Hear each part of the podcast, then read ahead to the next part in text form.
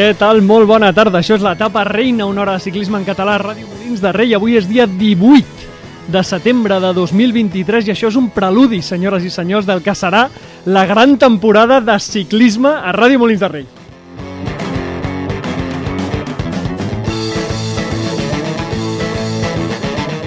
Perquè, perquè la temporada de ciclisme, la temporada d'etapa reina, la comencem diumenge. Roger, què tal, com estàs? Molt bé. Uh, bona tarda, Lluís, aquí en directe nova temporada, que no és temporada perquè és preludi, perquè és diumenge el dia que comencem la temporada, com bé has dit, dia 24 de setembre, programa sí. en directe, en públic, programa especial, programa de traca i mocador de la Tapa Reina. Això serà l'hòstia, eh? Serà increïble. Perquè a més hem preparat una festa eh, aquest diumenge aquí a Molins de Rei, a la Peni, al Teatre de la Peni, en col·laboració amb el Teatre de la Peni, Farem un teatre... En, eh, farem un teatre, bueno, Bueno, com, com una mica teatret, uh, si ets tu segur que el fem. Farem un programa en directe, eh, podeu venir, això serà, si fa bon temps, que en principi farà bon temps, al pati de la Peni, amb el Màrius Serra de En convidats. principi farà un temps perquè ho decideixes tu o perquè ho has mirat. No, perquè ho he mirat, Ah, molt bé. sí. Molt bé. Previsió 6 dies. Previsió sis dies, clar, és una previsió que, però bueno, home, jo crec que sí. Sí, sí. Però no li treguis importància, que ho farem amb el Màrius Serra, Mario Serra. Que li agrada molt el ciclisme. Sí, descobrireu, jo crec, una faceta ciclista de Mario Serra que potser el 99,9% de vosaltres no coneixeu. que us ho passareu molt bé, perquè el Màrius Serra és un tio entranyable i a més eh, molt trempat. A veure, si bé ets, jugarem. Sí, La gràcia és jugar. sí. Passar-nos-ho bé amb les paraules i amb el ciclisme. Uh, serà una hora divertida. I no només això, sinó que abans, o sigui, podreu estar per allà prenent una Coca-Cola, una Això és el pati de la Penny, cosa, que és un espai sí. que hi ha servei de bar, que hi ha unes cadiretes, que teniu allà. Nosaltres estarem de fons, allà, fent les nostres coses, vosaltres tots tranquils al davant, fent les vostres coses. I si algun moment voleu escoltar i nosaltres parlar i coincidim, Pues serà èpic. Serà l'hòstia, perquè a més, us, això serà el moment de gaudir. Abans haureu de patir, perquè a les 5 de la tarda tenim la primera escalada. Buah, Això és una meravella, eh? Això és, perquè us feu una idea molt, molt ràpida, tot de gent que s'apunta per suar, és a Sí. dir, per agafar una bicicleta i suar, Sí. són 100 metres amunt, Rampote. comença des de la barraqueta, per entendre's, Sí. la popular barraqueta, eh, doncs agafes la bici, un metro i ja estàs fent pujar damunt Sí. pel carrer Balmes, arribes a dalt i arribes a la plaça de la Peni, que no hi haurà cotxes, Mm, podrà qui participi doncs, baixar allà, frenar de seguida perquè hi haurà creuat la meta. sí. O sigui, durarà molt poc, això. No Però hi com ha- que anirà sortint una persona, ara una altra, una altra, en si ho farem durar com a mínim uns 3 quarts d'hora. Això serà format crono, eh? com el que veieu per la tele, eh? Exacte. eh? com el que veieu al Tour de França, com el que guanya Filippo Gana. Us sentireu un Filippo Gana. Hi haurà algú fent 5, 4, 3, 2, 1, 1. I, I aquí el que podeu és eh, competir amb la bicicleta que tingueu, dona el mateix. Aquí no... igual. Si té rodes o no és el vostre problema. De fet, eh, potser s'endú premi al guanyador, però potser també els altres participants s'enduen premi, fins i tot estem pensant de donar premis a gent que vingui a animar. Home, és que havia pensat que qui vingués amb la bicicleta més feta a caldo que també tingués premi. Bueno, doncs pensarem els premis, encara no ho tenim definit del tot, ja veieu que anem perquè una estem a mica dilluns. A, a salt de mata, eh? però vaja, estem a dilluns, eh? això és diumenge, podem... I la idea és, amb els propers anys, créixer, eh? gràcies a la Penny també, i fer créixer aquesta, aquesta cursa. Eh, som aquí per parlar de la Vuelta, Sí. tenim una hora, i tot i que hem de parlar moltes coses nosaltres, tenim moltes ganes de parlar, però tenim Com- un com ens protagonista. Ah, amb protagonista anem? Sí, sí, Mare tenim un protagonista.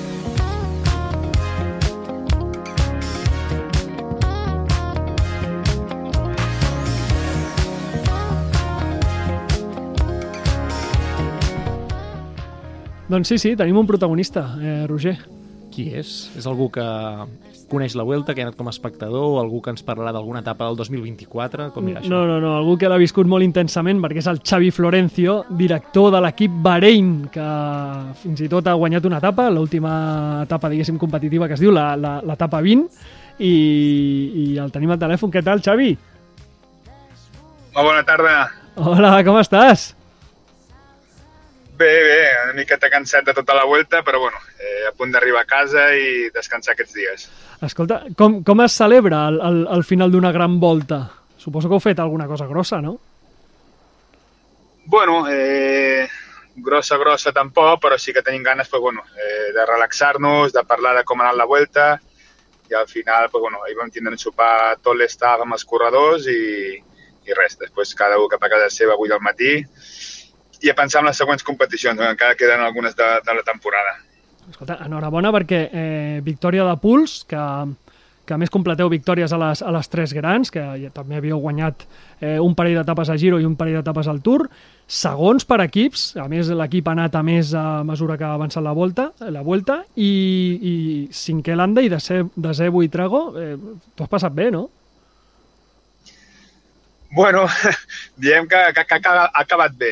Eh, la veritat que els objectius de l'equip eren pues, acabar un, un top 5 i guanyar alguna etapa. Eh, com has dit abans, doncs van guanyar l'etapa 20, era l'última de la volta, així que, que ens anava bé com, a, com els corredors que teníem i sí que estàvem contents amb l'actitud que havíem fet, no? Eh, van començar una miqueta malament, amb caigudes del Santi Buitrago, eh, el Miquel no s'acaba de, de trobar bé, però després, a partir de la segona setmana, ja hem vist una, un diferent equip, Bahrein, eh, molt actiu en competició, i ens va donar molta moral, no? I després, pues, bueno, eh, quan van arribar les, les etapes quasi decisives, tipus Angliru, pues, els corredors van fer una feina molt, molt bona i van poder ficar el Miquel Landa en aquesta cinquena posició també. Ah, o sigui, la, els objectius de l'equip eren aquests, no? Eh, guanyar etapa i ser cinquè, i això ha complert, o sigui, fantàstic. El, el que si sí, comença sí, eh? la volta no massa bé, ha de ser mm, difícil de gestionar com a director. Ahí està, ha sigut molt complicada, per, perquè dic, eh, teníem uns objectius bastant alts, que era un top 5 amb el Miquel amb algun corredor, i guanyant etapa i, i bueno, sobretot perquè hi havia competidors pues, molt, molt importants, no? els últims guanyadors del Tour, eh, podis al Giro, a la Vuelta, i feia que, bueno, eh, fer el top 5 pues, era una, quasi ambiciós per nosaltres, però volíem lluitar i després, com t'ha dit, pues, bueno, ens va començar la Vuelta no molt bé, perdent temps amb el Miquel aquí a Andorra, eh, l'etapa següent el, Miquel, el Santiago Buitrago pues, va caure, va perdre temps, però van tindre la sort d'agafar una fuga eh, abans de, del primer dia de, de, de descans i van poder tornar a ficar la Gerana, el Miquel Landa, el Santi, i això pues, ens va donar una miqueta de moral. Ells mateixos van entrar en competició i, com t'he dit, pues, bueno, a partir de la segona setmana l'equip va tindre una actitud molt, molt, molt bona, va ser tot positiu, tot anava eh, amb bona direcció i bueno, vam planificar que l'etapa decisiva on tenien que donar tot el, tots els corredors al 100% tenia que ser l'Angliro i ens va sortir pues, una etapa fantàstica, no? I com deia, bueno, poder ficar el Miquel al top 5. Hola. Ui, no sé si s'ha tallat o s'ha tallat. S'ha tallat la connexió amb, amb Xavi Florencio, que ens estava explicant cada volta. O sigui, al principi no va començar massa bé, però girar la truita així, cuidado, eh? I estava a punt de parlar de l'Angliru, que jo crec mm. que és mm. el dia que tothom va pensar el Bahrein. O sigui, mm. allà, allà al sí. davant tenim tres jumbos, tenim tres Bahreins, tots allà, els sis primers eren, eren dels dos equipassos d'aquesta Vuelta al final, perquè sí. el Bahrein va ser qui va dinamitar aquella etapa i qui va endur-se el premi amb aquest augment de posició de, de Miquel Landa. Eh, Xavi, tornem a tenir aquí? Hola, Xavi? Bones, bones, bones, torno ah. a estar aquí.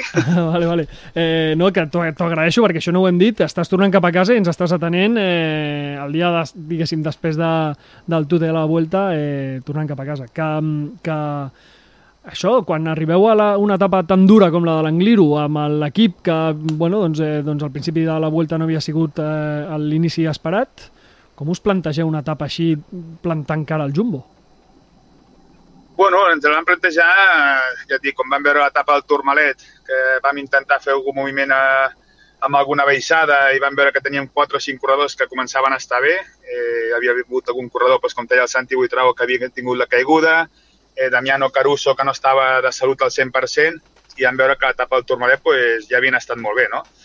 Després l'etapa següent, a, la, la que acabava, es pujava la Rau, pues, amb els 20 primers ja vam veure que teníem 5 corredors, o sigui, érem pues, darrere el Jumbo un dels equips més potents, i vam decidir pues, bueno, eh, passar el dia de descans de, després de l'Ecumberri i apuntar aquella etapa, no? intentar pues, que arribessin amb les màximes forces possibles en aquella etapa, no intentar gastar el dia abans, i, bueno, com te deia, doncs, bueno, ho vam planificar des de 4 o 5 dies abans i ens va sortir a la perfecció, no? O sigui que la millor, doncs, bueno, no vam poder lluitar contra un Jumbo que ha estat impressionant en aquesta volta, però nosaltres vam donar el 100%, els corredors pues, eh, el que vam poder i ja et dic, amb l'etapa de l'Angliru pues, estem supercontents de com l'actitud que, vam, que vam mostrar, no?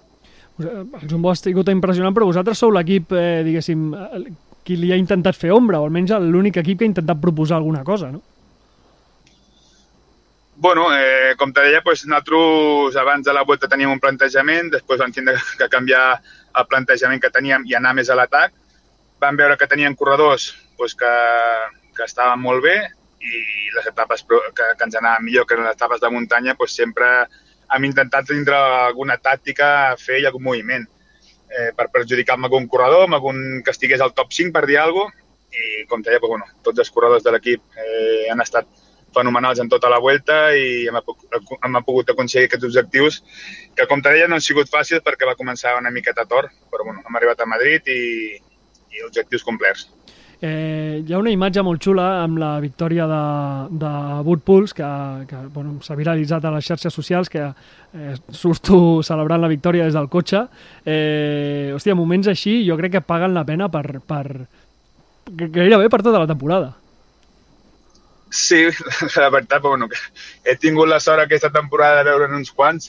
Les tres etapes del Tour pues, anava jo també a la fuga i aquesta, pues, ja, com te deia, ha sigut molt emotiva també, no? perquè hem tingut moments molt durs, ens faltava ni que havíem demostrar que érem un equip pues, competitiu, un equip pues, tirar cap endavant les etapes de muntanya, ens faltava aquesta victòria. No? Eh, ens va perjudicar també pues, que el Renko perdés temps a l'etapa del Tourmalet de cada classificació escapada i el Remco pues, bueno, és un corredoràs i ens ho ficava. Eh, va treure una generalitat a l'últim 50 metres i, i va poder guanyar aquesta etapa que, com deia, pues, bueno, era superimportant eh, i res, dintre, dintre l'equip, pues, bueno, Ui. que al final durant un partit mi marques tres gols, però aquí se marca un gol només un, amb un mes, no? Yeah. I al final, pues, bueno, deixes anar tota l'atenció, són 15 o 20 segons que, que puja tota, tota, o treus tota l'atenció i, i res, ja et dic, eh, contents amb aquest resultat. Eh, et volia fer una, una última pregunta perquè sí que en aquesta hem, hem notat que eh, bueno, estàs tornant cap a casa, no? diguéssim. Eh, et volia preguntar si es pot suplir l'Anda, perquè l'Anda us marxa aquest any, tind us quedareu amb Buitrago i amb Pello, que són dos tios bastant eh, regulars per les generals, però, però si l'Anda l'equip l'intentarà suplir o, o si es pot suplir un ciclista com l'Anda? home, és, és quasi impossible, no? El Miquel sabem que és un corredoràs, ha estat quatre anys amb nosaltres i, i ha demostrat que, bueno, eh, que és un professional fins al final, no? Un altre que s'hagués deixat anar amb aquesta Volta a Espanya i ha aconseguit un resultat superimportant per l'equip. Després de cara al futur, doncs, com bé deies, doncs, tenim a Pello Bilbao a la Volta eh, ha fet un top 10 i això doncs, li vam dir ahir després de la Volta que ja no té marxa endarrere, no? que ja ha fet una general, sabem que pot estar allí i d'aquí doncs, té que mirar cap endavant. I després bueno, venen, venen corredors joves com Antonio Tiberi, que, que confiem molt i esperem que bueno, eh, un any o dos anys doncs, pugui estar allà davant lluitant també per les, les classificacions generals. Sí, Tiberi ha fet una gran volta, et volíem preguntar també per ell perquè realment ha estat, ha estat molt bé. Eh, ja acabo amb propers objectius. Eh, quan tornes a currar, tu? Bueno, si dic la veritat, eh, a currar, a currar, pues, bueno, des de la distància, des de casa, eh, personalment jo penso que acaba la temporada. Falta algun, amb una competició, falta algun director i m'he ficat voluntari, però bueno, eh, si puc escaquejar una miqueta pues, també, també m'anirà bé i poder, algun, poder estar algun fin de setmana amb la família que portem pues, bueno, eh, tres mesos quasi fora de casa i, i s'agrairia. Molt bé. Molt bé, doncs eh, descansa que tu mereixes i res, molta sort en els propers objectius de l'equip perquè, perquè realment us el mereixeu aquest any. Eh, moltes gràcies, Xavi, i, i que vagi molt bé. Moltes gràcies a vosaltres. Una abraçada. Una abraçada.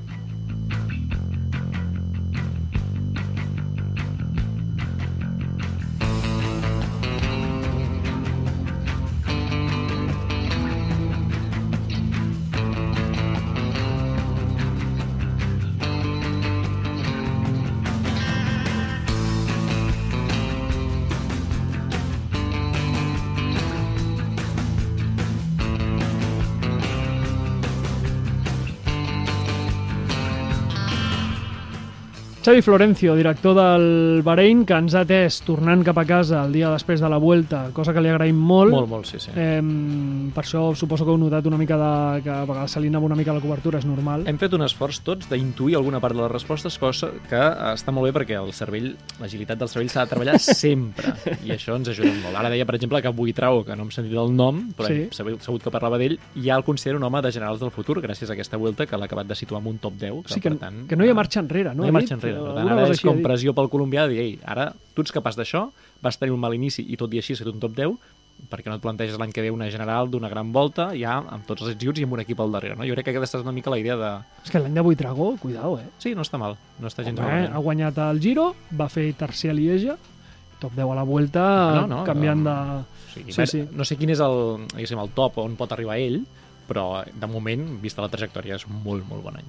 Vale, doncs eh, ara que ja hem fet la trucada que havíem de fer... Home, volíem un protagonista i el protagonista va al davant. Sí, Això és i doncs ara comencem el programa i normalment com el comencem? Tenim el Sergi Soler al telèfon? Sergi?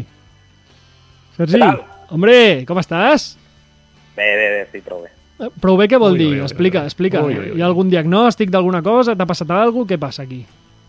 Una miqueta de Covid, però bé. Una miqueta de Covid? Eh, no, però bé, bé. No, no us volia contagiar, perquè si no aquest diumenge... Eh, hòstia, tenim, tenim que liar-la bastant i que no us poseu malats vosaltres, tampoc. Està molt bé això d'agafar el Covid la setmana prèvia, tu treus de sobre, et Ja està. prepares a Correcte. casa tots els preparatius que queden per fer i ja està. I diumenge, Exacte. festa grossa. Bueno, doncs, eh, Sergi, si vols fem un emmascarat. Ei, vinga. Vinga, va. Sintonia.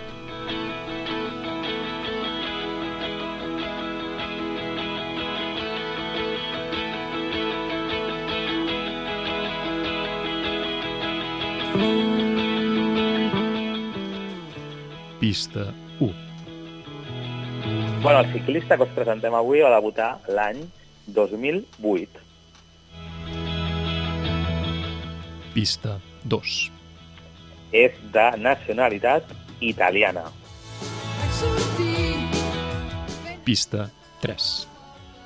Va, la pista 3, enguany, parlarem de l'equip, però parlarem de l'equip pel qual aquest ciclista és més recordat. D'acord? L'equip més recordat, i és el Movistar Team. Pista 4. La seva especialitat són les contrarrellotges. Pista 5. La millor victòria. Enguany no parlarem de la darrera victòria, sinó parlarem de la millor victòria, o la que jo considero que és la millor victòria, i és la 21a etapa de la Vuelta del 2014. I pista 6. I la pista 6, doncs, us direm, eh, a tall d'anècdota, que precisament en aquesta etapa, la 21a etapa de la Volta de 2014, eh, no va acabar a Madrid, i ho va fer a Santiago de Compostela, en una curta crono de 10 quilòmetres. Eh, val a dir que la Vuelta, eh, en el segle XXI, ha acabat en 5 vegades en, en contrarrellotge. I, i, i, bueno, i dues ho ha fet a Santiago de Compostela, la, la darrera, el 2021, uh, va guanyar Roglic amb una crono de 30 i pico quilòmetres.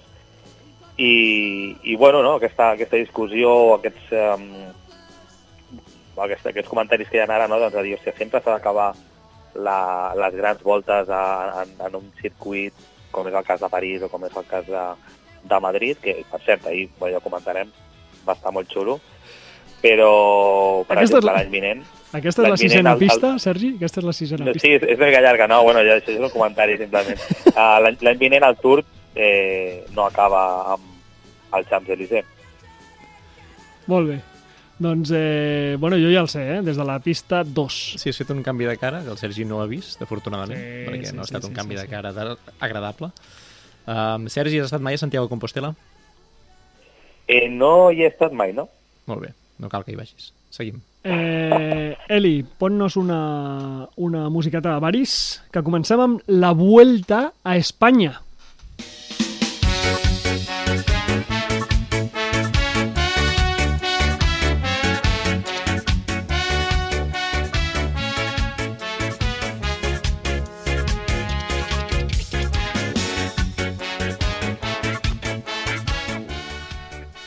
Aquesta Vuelta ha sigut bastant inesperada.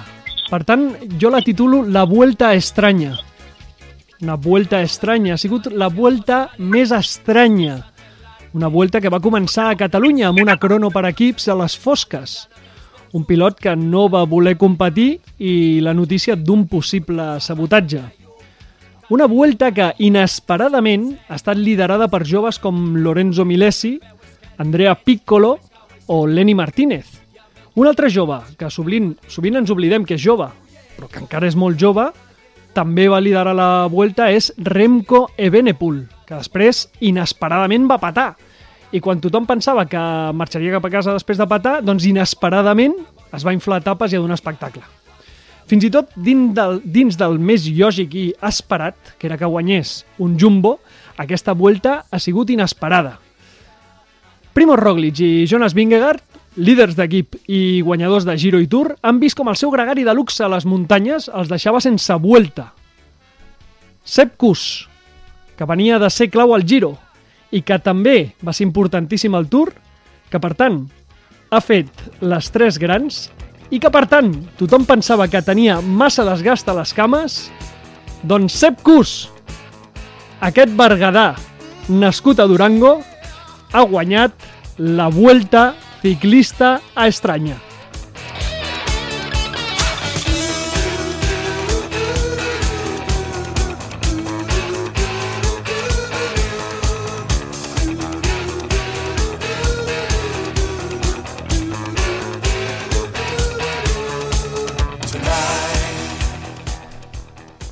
Vuelta estranya, eh?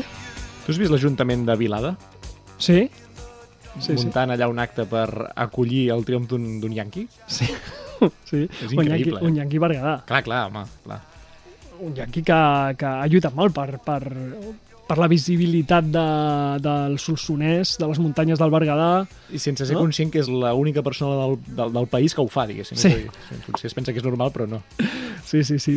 Eh, doncs ha sigut una volta estranya. Jo us volia preguntar, Roger, Sergi... Mira, comença tu mateix, Sergi. Com valores la volta? Eh, L'has seguit activament?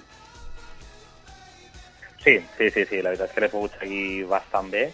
Potser les primeres etapes, les, les més estranyes segurament i, i, i caòtiques, i aquestes les vaig haver de, de veure en diferit, Mm. però, però sí, l'he pogut seguir. I, i, I bé, la conclusió que en trec és que vull dir, ha estat divertida, en el sentit de que ha estat diferent i, i, i m'ha agradat, m'ha agradat com m'han anat passant les coses, o sigui, um, el desastre dels primers dies, que cada dia teníem un, un despropòsit diferent, no, no feia altra cosa que també que, bueno, que alimentar una mica l'espectacle i, i l'emoció i, i sobretot el, el desenllaç no? de, de tot plegat, eh, de com ha anat eh, doncs, amb, amb, amb, amb això, no? amb, amb la victòria del CUS, que a priori doncs, no, no, no comptava, i, i sobretot l'espectacle que ha donat el, el Renko, que, que ha estat una passada. Per altra banda, sí que, doncs ja ara ho parlem, però m'han decepcionat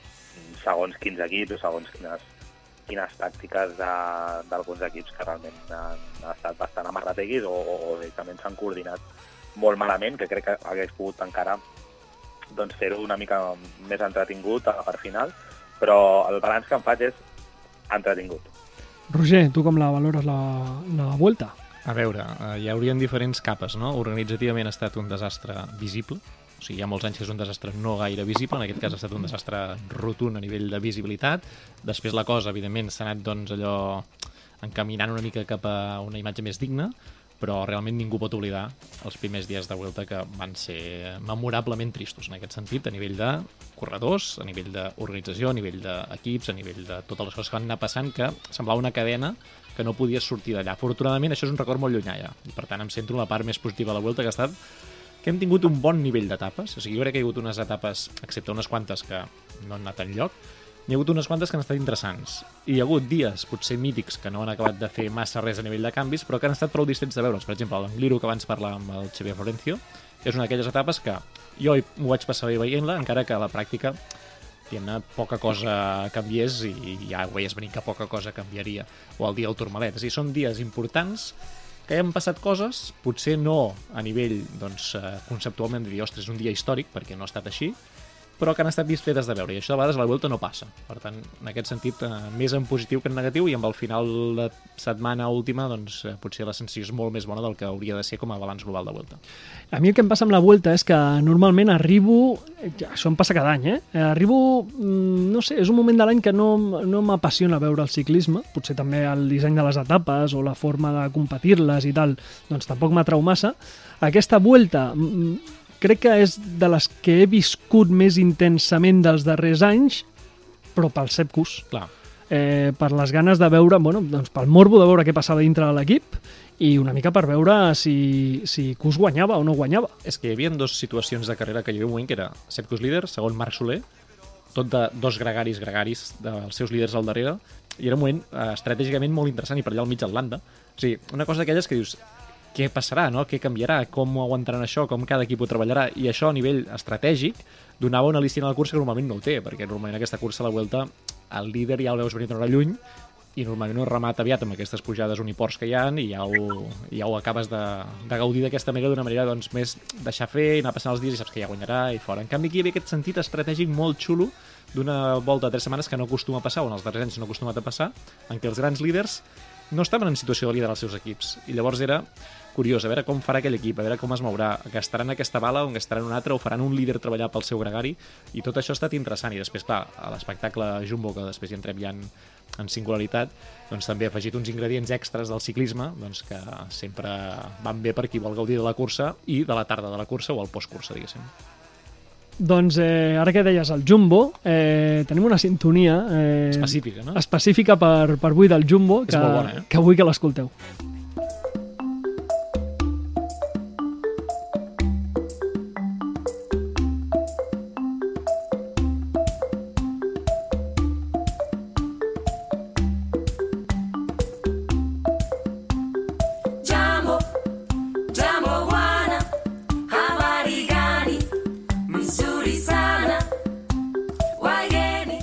Jambo, Jambo? Jambo guanya. Jambo guanya americana.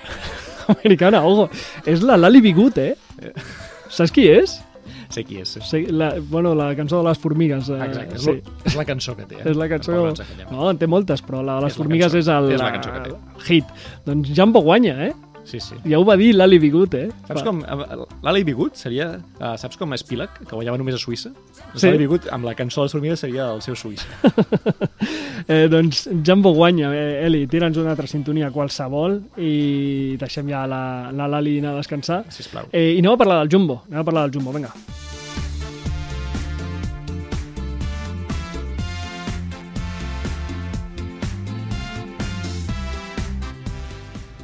El Jumbo, que té molta teca, eh? perquè és un equip que ha dominat com ha volgut. Jo crec que la Vuelta ha sigut interessant al final gràcies al Jumbo, però ha sigut avorrida per Gràcies culpa del Jumbo. Sí, sí, totalment, totalment. És a dir, costa molt veure un equip tan superior a la resta de rivals. Recordeu que la prèvia que vam fer en ple estiu aquí a l'etapa reina ens vam repartir una mica el joc de dir qui són els favorits. I mm. clar, entre nosaltres ja ens dèiem, a veure, qui no faci el Jumbo a veure com ho fa, és a dir, a veure com Mm. ho defenses. I algú deia, home, viene Pool, val. Però a partir d'aquí no veies res més. I això és la realitat, i vam intentar fer-ho d'una manera distesa, però tots pensàvem que la victòria real estava entre dos Jumbo. I era Roglic mm. i Vingegaard. I el que estigués més fort guanyaria la Vuelta. Mm. I clar, hi han afegit a Cus, han guanyat les tres grans voltes en una mateixa temporada amb tres ciclistes diferents per fer-ho més rodó. No ho havia fet mai ningú, però sobre amb tres ciclistes diferents perquè mai ningú pugui repetir. És a dir, és allò ja de posar... I han fet triplet al podi en una gran volta. Són ingredients que costen tant de veure que tot i així no sorprenen del tot. És a dir, a mi en un altre moment del ciclisme hagués pensat buah, aquest equip, mare de Déu, aquesta superioritat no s'explica per enlloc. Però és que, clar, mira, ciclista per ciclista, com ha anat la cursa, com ha jugat cadascú les seves cartes i qui eren la llista d'inscrits, i a mi no se'm fa tan estrany. No. És a dir, penso, podria passar realment. És a dir, en un sentit més utòpic, abans de la cursa ho podríem haver arribat a dir, podria passar. No ho hauríem vist venir, evidentment, però no ens hauria estranyat al 100% perquè per qual, talent de ciclistes, amb això, si aquell ataca un dia, s'escapa, no sé què, l'altre, amb una crono que potser ningú acaba, doncs potser ja ho tenies, no? Però clar, això, vist que la primera setmana ja va situar tothom, després de la crono on estava cadascú, arriben dos dies més i ja ataca un, ataca l'altre, ja veus que no hi ha cap equip que tingui armes suficients per plantar cara, els últims 10 dies de Vuelta, a nivell de disputa per la general, sort que hi ha hagut així una mica de rebombori aliè a la cursa mateixa, hi ha hagut debat sobre si un jumbo tal o jumbo no sé què, perquè si no estava més que fet que tothom sabia que un del jumbo guanyava segur. Mm. El Xevi Planes, eh, que és un tio que heu de seguir a, a Twitter, l'altre dia eh, ens parlava i ens deia per vosaltres què és més bèstia? Fer podi, és a dir, completar tot un podi en una, en una gran volta o fer el triplet, guanyar Giro, Tour i Vuelta. Eh, Sergi, tu què creus que és més bèstia? Um, jo crec que és més bèstia o sigui, aconseguir guanyar les tres eh, perquè representa que en tres moments de la temporada i segurament en corredors diferents um, hòstia, t'ha de sortir tot, tot perfecte, no? Eh, I com en, en aquesta volta el que ha passat és que al final eh, o sigui que evidentment duien el campió del, del, del Giro campió del Tour i a part s'ha sumat en, en Cus, que no l'hem descobert ara, i, i que eren els tres més forts. A... Eh, És relativament, no, no diré fàcil, però com ha dit el Roger, vull dir, tu mires l'equipàs que portaven i dius, hòstia, és que, és que són molt bons. Només al Cus no t'esperes que potser pugui fer un top 3, més que res perquè treballarà pels altres, en teoria. Però potencial el, el, el té com ha, com ha demostrat. Eh, o sigui, jo crec que ara fer les, guanyar les 3 eh, crec que és més difícil. Tu creus el mateix, Roger? Uh, no, jo crec que fer un podi de tres ciclistes en el ciclisme actual en una gran volta d'un mateix equip ho trobo impossible. És a dir, jo sempre penso que hi ha equips molt, molt forts que poden això, tenir capacitat de guanyar una cursa i fins i tot de colar un segon ciclista en un top 3, top 5, perquè per qualitat hi són, però tres ciclistes d'un mateix equip sense que ningú trobi l'escletxa per treure'n un d'allà. O sigui, al final hi havia equips que venien a lluitar pel podi i jo crec que n'eren bastant conscients i no han trobat la manera de posar una escletxa al mig, ni amb crono, ni amb muntanya, ni amb mitja muntanya, ni amb un final uniport, ni amb res. No han trobat la manera en cap moment de la Vuelta. I això trobo que parla molt de la fortalesa del Jumbo, parla en part de la incapacitat estratègica o tàctica d'altres equips i de la, de, de la diferència de, de talent de nivell. Una gran volta, guanyar-la al llarg d'un any, una darrere l'altra per un mateix equip, vist com són els equips ara, que en tens dos, tres de forts, no em faria res pensar que un Ineos ho pot fer fa dos o tres temporades o que ho faci, no sé, equips que tinguin talonari suficient per tenir dos grans estrelles que puguin fer les tres grans voltes com a líder. Una guanya Giro Vuelta i l'altra et fa el Tour. Això a mi em sembla imaginable que es pugui repetir els propers 5 anys una vegada més. No, no em semblaria res ex excepcional. En canvi, un podi sencer en una gran volta no m'ho sé imaginar, no m'ho sé imaginar, i segueixo, tot i haver-ho vist, diguéssim, em costa molt tornar-ho a imaginar. Eh, li diem adeu al Sergi. Sergi, marxes? Bueno, sí, sí, sí. Us deixo. Vale. Eh, res, que, que vagi molt bé el programa, vale? vale. Cuida't, Sergi. Recupera, recupera, tio. Que vagi bé, ens veiem diumenge. Diu, diumenge, diumenge a tothom, eh, sisplau. Apa, adéu, adéu. Eh, doncs, eh, eh, Cus, Cus, perquè dèiem que al principi de la volta, de la volta dèiem, hòstia, és que, és que tindrà molt de desgast, perquè ve de, ve de fer les dos altres, d'estar actiu, de ser el millor gregari del món, eh, el Giro per Roglic i el, i el Tour per Vingegaard, per tant, arribarà molt de desgast, no, vamos, era bastant impensable, i sobretot veient l'última setmana que li venien de, dels rivals i també li venien de casa. Sí, sí, és a dir, quan vens d'un top 15 al Giro, top 15 al Tour, sent això, un home actiu, no només quan estàs acabant de treballar amb el teu líder, sinó que et queda ja tan poc d'etapa que al final doncs ja no et desentens de 20 minuts, sinó que mm. continues allà, acaba sent un temps bastant similar.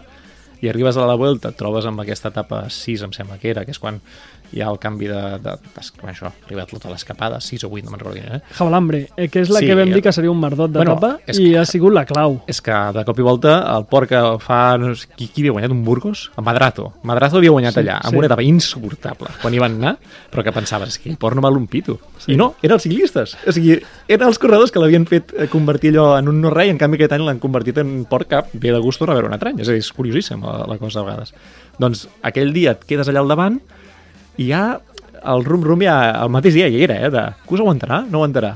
O sigui, estàvem, quedaven 15 etapes, però ja havia la sensació que Cus, per què no, no? Per què no? Perquè ens feia il·lusió, no? Sí. Tal. I el, el dia després del de la crono, tothom va pensar hòstia, doncs que sí, sigui, que, que el Cus, que, que, que està al davant, saps? I ha estat divertit veure aquests atacs, no atacs, aquestes ordres d'equip, veure com es gestionava això. Jo crec que al final ho han fet bé. És a dir, tinc aquesta sensació de... Podrien haver fet molt pitjor, és a dir, acaba guanyant Vingegaard per un segon la Vuelta davant de Cus, i tothom ho entén perquè és competició, perquè no sé què, però a ningú li agrada. En canvi, han trobat la manera de sí que atacar-se entre ells una mica, però no del tot. Jo a Roglic, per exemple, l'he vist molt doncs allò calculant esforços, és a dir, sempre m'ha semblat que anava però no, saps, anava amb una mica i Vingar algun moment no m'ho va semblar, però després sí que quan ja quedaven 4 o 5 etapes ja el vas veure que havia posat una mica també el fre de mà i això m'ha semblat bé perquè ho han lluitat fins que han pogut, fins que un moment que hem vist que era tan evident que anar a canviar allò ja era una guerra i generar coses de mal rotllos i al final mires les eh, imatges de l'equip i penses, és molt difícil un equip professional d'aquest nivell, de gent que és capaç de guanyar un Tour o un Giro en un mateix temporada i que pot fer la Vuelta i que té aquest palmarès, que trobin la manera de que guanyi el Gregari sense um, perdre bous i esquelles pel camí, sense uh, nervis, sense tensions reals a l'equip, perquè al final tot s'ha creat una mica d'entorn i de rebombori, com sempre acostuma a passar el món del ciclisme i en qualsevol esport professional. Realment, tu mires a la realitat i dius, no, no, mira l'últim dia com estan celebrant-ho entre ells i com de contents estan, i a mi és una imatge prou creïble dins del que he vist en el ciclisme a vegades de coses que penses, bueno, això aquí hi ha algú, ei, comunicació, fem-ho bé perquè aquí se'ns està escapant de les mans. No tinc aquesta sensació. Eh, jo no ho sé, eh? Jo no ho sé. Jo crec que... mm, Crec que... Jo crec que se l'estimen massa, a Cus. A un, Acus- altre, a un altre corredor de l'equip crec que li haguessin passat la mà per la cara sense cap contemplació, especialment Vingegaard. Jo em refereixo, aviam, eh, des, de la, des del prisma, des de la perspectiva de l'equip, eh, que guanyi Cus és molt bo, És perquè la perfecte. gent volia que guanyés Cus, Perfecte. perquè És el relat perfecte. és el relat perfecte, perquè a més guanyes amb els teus dos líders i després guanyes amb el tercer. Bastant sobrat que la tercera volta, per fer una cosa que mai ningú ha fet, ho fas amb un que és Gregari, un- sí. Gregari, en aquest cas. No és ni el segon millor de l'equip, Sí, sí, sí. com a mínim el tercer. Un tio que no, no ha liderat. Clar que no tio que no ha liderat. liderat. No, no. Eh, això de cara a l'equip. De cara a Vingegaard, eh, jo crec que se n'adona quan ja guanya la segona etapa. Ell ho, in- ell ho intenta. Ell Ho vol intenta. guanyar la Vuelta i després fica les excuses de que no, aquesta, aquesta etapa era pel Van Hooydonk, no, aquesta altra etapa era per la meva filla, No, o pel no. meu fill. Però ell el que va és Ja- a guanyar la ja Vuelta fins a un- saltant-se fins i tot eh, la, la normativa de l'equip, diguéssim. Fins les- al dia de l'Angliru està clar que ell està lluitant per guanyar la volta. I Roglic, jo crec que és en aquest cas el que s'ho pren pitjor de tot, perquè crec que és el que és més fidel al liderat de, de, de Cus. jo crec que el tàndem Roglic-Cus ha És durat molt més molt de fort. els últims anys, molt més fort, molt més, s'han trobat moltes més vegades que en Vingegaard. El que passa és que Vingegaard jo crec que al final se n'adona que, que si vol seguir guanyant tours necessitarà Cus. I al final per això perd eh, aquests uns segons a la última etapa de muntanya doncs per eh, que no es tiri a tiro de, de bonificació. No? Jo crec que sí. Eh, bé, al final els hi ha sortit rodó a l'equip. Clar, és el que dic, al final el resultat és molt bo. Mm. Després hi ha hagut una setmana de més debats o menys, però a la pràctica qui se'n recordarà d'això? Quan veus la classificació diràs, hosti, van deixar guanyar el Gregari a Cus, Mm. o al revés, el Gregari va ser prou bo per plantar cara als seus líders i estar al mateix nivell i per tant al final ha estat més això, una manera de reconèixer que per talent es mereixia guanyar aquesta no crec eh, que l'hagin deixat guanyar, perquè no, això és un dic, altre per relat. això dic que eh? si ho haguessin Sí. fet, a l'etapa de l'Enviru ja no hagués estat Cus líder. Mm. O sigui, el tio ha aguantat fins on havia d'aguantar. I un cop allà ha demostrat que per talent esportiu es mereixia estar allà, els altres jo crec que li han respectat aquesta opció i no l'han anat a atacar ja més, diguéssim. I ara què? Clar, aquest és un gran tema, eh? I ara què? Perquè tu creus que Cus eh, liderarà No. alguna gran volta? No tinc aquesta sensació i crec que no li cal. És I a dir, per perfil que no vol. persona. És que eh, jo la sensació que tinc amb ell és que s'ho passa bé. Mm. I en aquesta volta s'ho ha passat bé en una situació que no s'esperava estar. Jo crec que això és una evidència amb qualsevol comentari que feia a la televisió, com, hòstia, m'esteu preguntant unes coses que jo això, no sé què us penseu, saps? jo vinc aquí, intento donar el millor de mi, si no, aviso que ataquin com vulguin, que al final jo el que vull guanyar, no? Ell explicava un tipus de coses que, explicat amb la naturalitat d'aquest senyor, que ja l'hem sentit moltes vegades i per tant, o sigui, fa cinc anys que diu coses amb un to similar, per tant el creiem, doncs era totalment obvi. I de la mateixa manera, jo crec que en ell, per molt que hagi guanyat aquesta volta, sap perfectament quin és el seu rol a l'equip. I no crec que tingui cap ganes de marxar d'aquest equip, per tant, intueixo que l'any que ve vindrà a treballar, no sé si a les tres grans o no, però sabrà que haurà de treballar per altra gent de l'equip i cap problema, és Sepp Kuss, ja tindrà un dia per guanyar una etapa o no, i si es torna a trobar en una situació com la d'aquest any, doncs ja ho veurem, però no crec que sigui ni la seva expectativa ni el que hagi de passar els propers anys. De, de... I això és un luxe, eh, tenir un ciclista així. Hòstia. Perquè tu pots dir, soc gregari, sí, ja, però quan et trobes així, pots canviar de parer, pots dir, sí. jo sóc capaç de guanyar això. Tinc la sensació que Sepp Kuss, en aquest sentit, ho, ho viurà sempre com un extra afegit que, uau, aquell, te'n recordes aquell any Mm. que va anar tot de cara i vaig guanyar una vuelta? Sí, sí. doncs com una felicitat extra que no s'esperava. Sí, eh, hi ha unes imatges eh, que crec que ha penjat avui Instagram, eh, la, o sigui, la Vuelta ho ha penjat a Instagram, sobre la mare de Sepp Kuss dient-li, eh, doncs, a moments previs abans del podi a Madrid, eh, parlant la mare de Sepp Kuss amb Vingegaard, Uh -huh. I li deia a la mare a Vingegaard, és que aprèn molt de tu, eh? sempre em diu que aprèn molt de tu. Tal. O sigui, és que, És que és bon nano.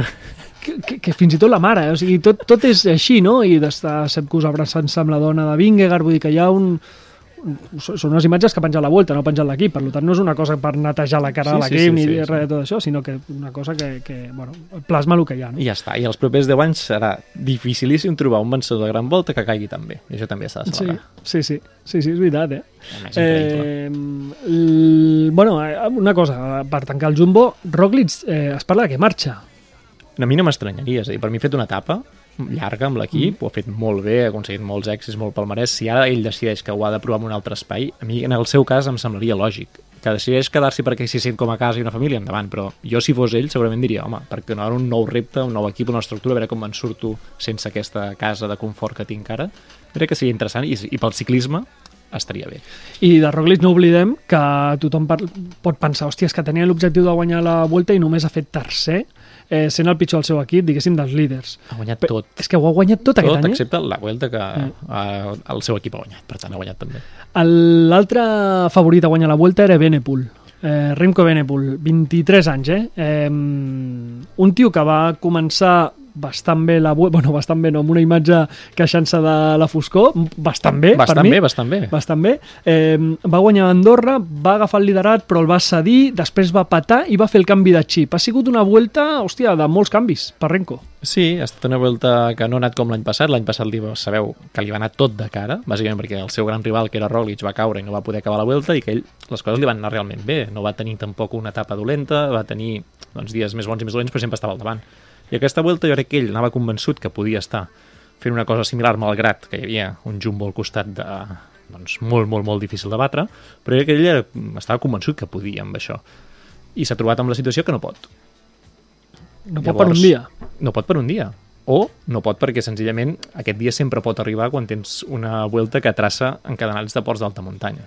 O sigui, per mi aquest és el dubte sobre Remco Evenepoel. Si no pot perquè aquest any ha tingut un mal dia i ja està, i el proper cop que ho intenti doncs té els mateixos números de tornar a guanyar una gran volta, o si ens ha vingut a demostrar que amb una gran volta amb nivell de rivals alt, amb un de nivell de rivals top, diguéssim, mm. en aquest cas, i un recorregut més exigent en muntanya, és, que- és capaç o no? Jo crec que psicològicament ha de ser molt dur saber que ets tu contra un equip. És a dir, Remco portava un equip que no està mal, però que no era el Jumbo. Però el Jumbo Remco és un ha equiparro. ell contra el món, no? Des de que deu ser júnior. Deu ser... Ell jo crec que reptes mentals, quan corria curses de, ju- de júnior i guanyava per 6 minuts, ja se'ls deu... mant- O sigui, sempre s'ha hagut de, com de motivar ell mateix si... Saps? Com... Tinc 5 minuts, ja aconseguir el 6è minut abans d'arribar a meta. Jo crec que ell deu ser un tio així, el sentit de, que sempre mentalment deu ser fortíssim. Jo crec que això ho té, Remco, perquè el veu sempre amb una ambició desmesurada allà on va. Mm. I de vegades ataca tan lluny que penses, home, Remco, i fins i tot sent tu, no?, eh, hauries d'adoptar d'això i és un paio que mai ha adoptat, la meva sensació. I en canvi aquí, en aquesta volta, és el que dius tu, hi ha un moment que, to, que es trenca en llàgrimes quan guanya l'etapa del dia següent, és a dir, quan perd 20 i no sé quants minuts, Sí. i el dia següent guanya una etapa, ah, també, 8 o 9 minuts de marge sobre la, el pilot, etc. el veus que és llavors que se n'adona com de la seva fragilitat, de la necessitat que tenia d'aquell triomf, o sigui, jo crec que és el moment que visiblement des de fora veus que aquest ciclista, aquest triomf, si no li arriba, sí que mentalment comença a trencar-se, no sé com dir-ho. O sigui, necessitava veure que ell era fort. En un altre terreny, en una altra manera de fer, en una altra tàctica, en un altre plantejament de cursa, però si aquell dia no guanya o aquell dia veu que no té forces, és que Renko se'ns enfonsa i sí que no acaba la volta. O sigui, tu, tu creus que aquesta vuelta reforça Remco o, o el fa una mica més feble? Tu de què ets parer? Jo que el reforça, Sí? sí. No tinc dubtes, eh? És a dir, jo com a ciclista l'he vist bé. He vist un ciclista això, eh, tenaç, que ho intenta, que l'últim dia a Madrid, pam, o sigui, que no es cansa, que vol ser protagonista d'una cursa i això amb un ciclista és bo perquè al final és, és el que el públic vol, no? veure gent que té ganes de passar-s'ho en una cursa. Com a futura estrella del ciclisme de voltes o de curses per etapes dures, jo crec que Remco surt molt tocat. Surt molt tocat perquè per mi és la primera gran volta que s'ha plantejat amb rivals de qualitat al costat, que han acabat la cursa, Roglic l'any passat és un rival de qualitat extrema, però cau, i per tant no sabem què hauria passat, i no li ha sortit bé la jugada fins al punt que el dia que veus que no arribes, tu mateix jo crec que ja fas el canvi de xip de dir, val, aquesta volta no és per mi, vaig a fer el que, no, anem a refer tàctiques, anem a fer idees. Però això jo crec que de cara a futures curses, un giro, una Vuelta i sobretot un Tour, que és una cosa que de Renko es parla de veure quin dia prova el Tour, L'any que ve. Clar. Ja ho ha dit. Però si l'any que ve prova el Tour, jo crec que Remco al Tour no hi anirà com a favorit a una general després del que s'ha vist d'aquesta Vuelta, i en canvi, si no hagués participat aquesta Vuelta, seria un favorit a la General. A mi, de cara als seus rivals... equip fa, o sigui, a veure quin equip li planteja el Quick Step, si el treballa només per ell en clau general o si treballa un equip per fer guerra de guerrilles constant i que guanyi cinc etapes, que això Remco ho té al seu abast, això sí que ho ha demostrat clarament. Qualsevol etapa que es posi entre cella i cella, si ell hi és i té ganes de ser protagonista, evidentment té cames. Té cames. Alguna la guanyarà, alguna no, però de cinc intents te'n guanya tres. diguéssim. Jo crec que Renko, eh, el que s'ha de plantejar si vol anar a lluitar un Tour de França o qualsevol altra gran volta, eh, però sobretot el Tour de França, que jo crec que és el gran objectiu de qualsevol tio que vol grans voltes, és eh, millorar l'equip. O sigui, fotre-li canya al Quick Step perquè li millori molt l'equip per poder competir a nivell... Perquè, este- perquè el, el Quick Step era molt pitjor que eh, l'UAE, que el, que el Jumbo, que el Bahrein... Pregunto, que... què hagués canviat amb un equip fort en el cas de Remco? Perquè jo crec que el equipet és ell. És a dir, La sensació, la sensació de que tu vas molt ben abrigat a la Vuelta. O sigui, és a dir, tu vas... sí, però l'any vas... passat anava ben abrigat a la Vuelta igual que aquest any. No, però l'any passat li va sortir tot bé i d'aquesta... Fixa't, fixa't, la, fixa't la cursa de, de, de, de Benepool la temporada que ve. Tu dius, vol fer el tour i és el seu objectiu i tal. Què farà la primavera? És a dir, jo si fos ell, aniria mort a la primavera i el tour ja veurem. Perquè, sí, bàsicament... Això està clar. No, però sí que si està clar això, és a dir, hi ha hagut molt debat de Pogacar de si necessita baixar el seu mm, calendari previ al Tour i concentrar-se com fa Vinker o no, etc. O sigui, si això ja ho tenim en Pogacar, que és un fora de sèrie descomunal pel Tour, que és un tio que el Tour tal, guanya mm, normalment, no sé com dir-ho, eh, que és una cosa que ha de sortir d'ell, Evenepoel, si ve cascat, diguéssim, d'abans, perquè ha fet exhibicions per aquí i per allà, un Tour de França, que és el mateix que hem vist a la Vuelta, però més dur perquè tothom realment allà està, que és l'objectiu de temporada per gairebé tothom que hi va, hòstia, amb els esports de muntanya del, del Tour, incloent Alps, jo no ho sé veure. Jo és que no ho sé veure. Jo sí me l'imagino. Jo sí me l'imagino. I després... No, imagina-me... O sigui, Sí, a dir- intentant-ho, evidentment, No, perquè és Evenepoel, però, però- no m'imagino arribant a la segona setmana amb opcions de lluitar per una general. Sí, jo sí, més que res perquè mentalment tu quan et veus amb, el, amb els teus companys i veus els, els altres companys dels altres equips que són molt superiors en tots els terrenys, doncs penses, hòstia, aquests, aquests si algun dia tenen un problema a muntanya hi haurà el cus que li salvarà el cul, eh, al pla hi haurà tal, hi haurà... I, i jo no ho tinc, això.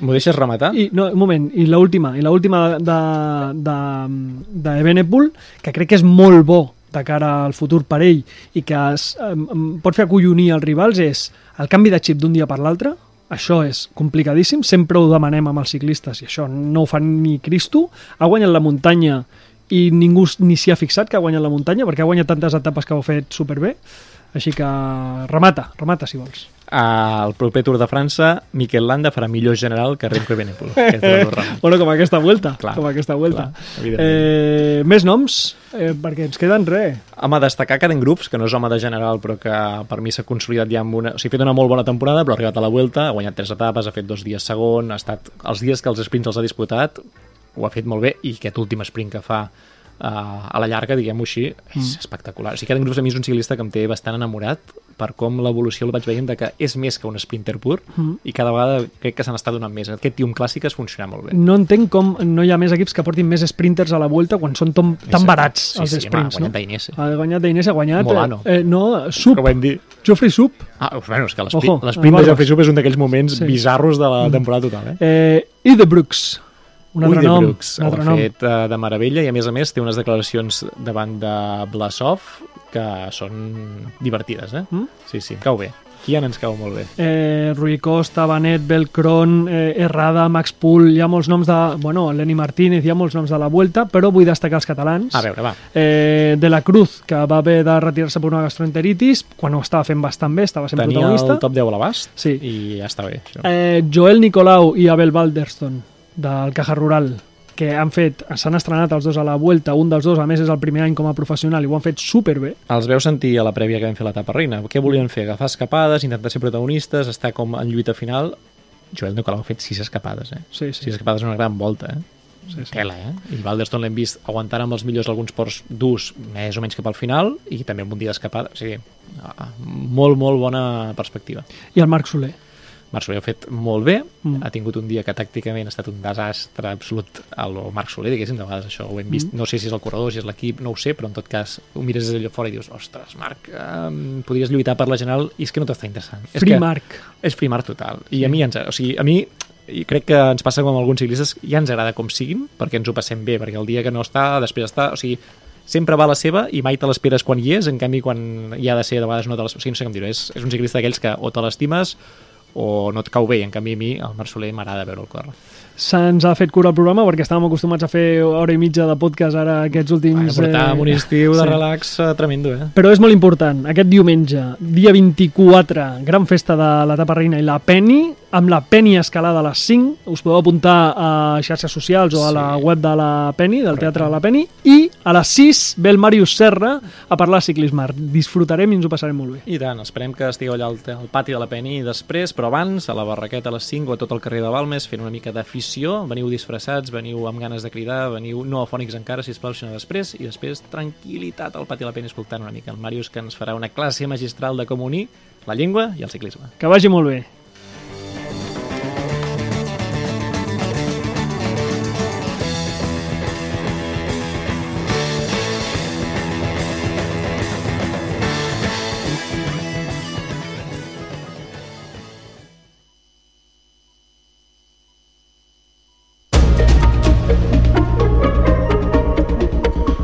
Notícies en xarxa. Bona tarda, són les 5, us parla Marc Ventura, l'exalcalde de Barcelona i líder de Tries per Barcelona. Xavier Trias ha assegurat avui